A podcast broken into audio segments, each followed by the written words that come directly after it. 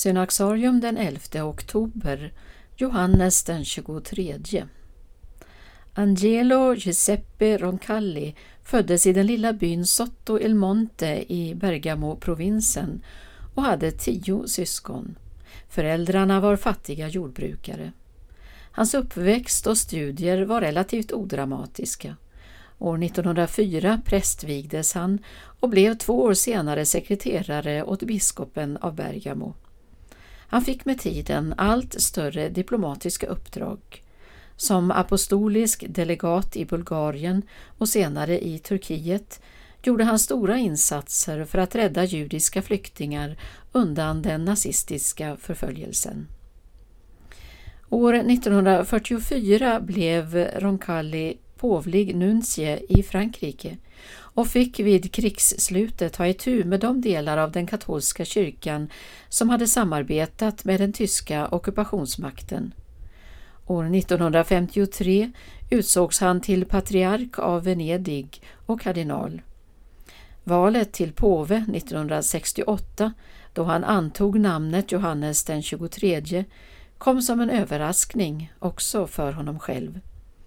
I medierna upprepade man att han var en övergångspåve, någon som ingen väntade sig särskilt mycket av. Men hans fyra år långa pontifikat skulle innebära liv och förnyelse på ett sätt som radikalt kom att förändra kyrkans väg in i framtiden.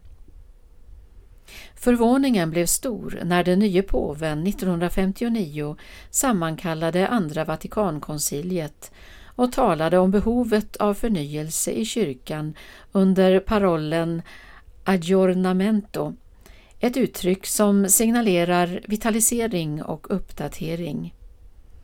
Han inledde konciliet med bönen Sänd oss en ny pingst. Omsorgen om de kristnas enhet var en annan hjärtefråga för Roncalli och ytterligare ett viktigt skäl till kyrkomötet.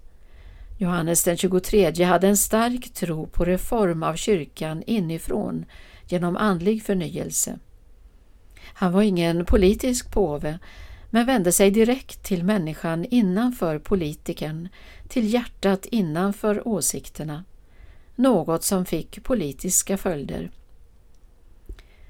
Johannes den 23 deltog i konciliets första del men avled sommaren 1963 efter en tids svår sjukdom. Som påve förblev han hela tiden en vardagsmänniska, den fromme och glade prästen, öppen och tillgänglig för alla. Med sitt jovialiska sätt och sin förmåga att skapa kontakter vann han större folklig kärlek än någon påve i mannaminne. Han bröt påvarnas isolering i Vatikanen genom att besöka skolor och institutioner runt om i Rom. Johannes den 23 salig förklarades år 2000.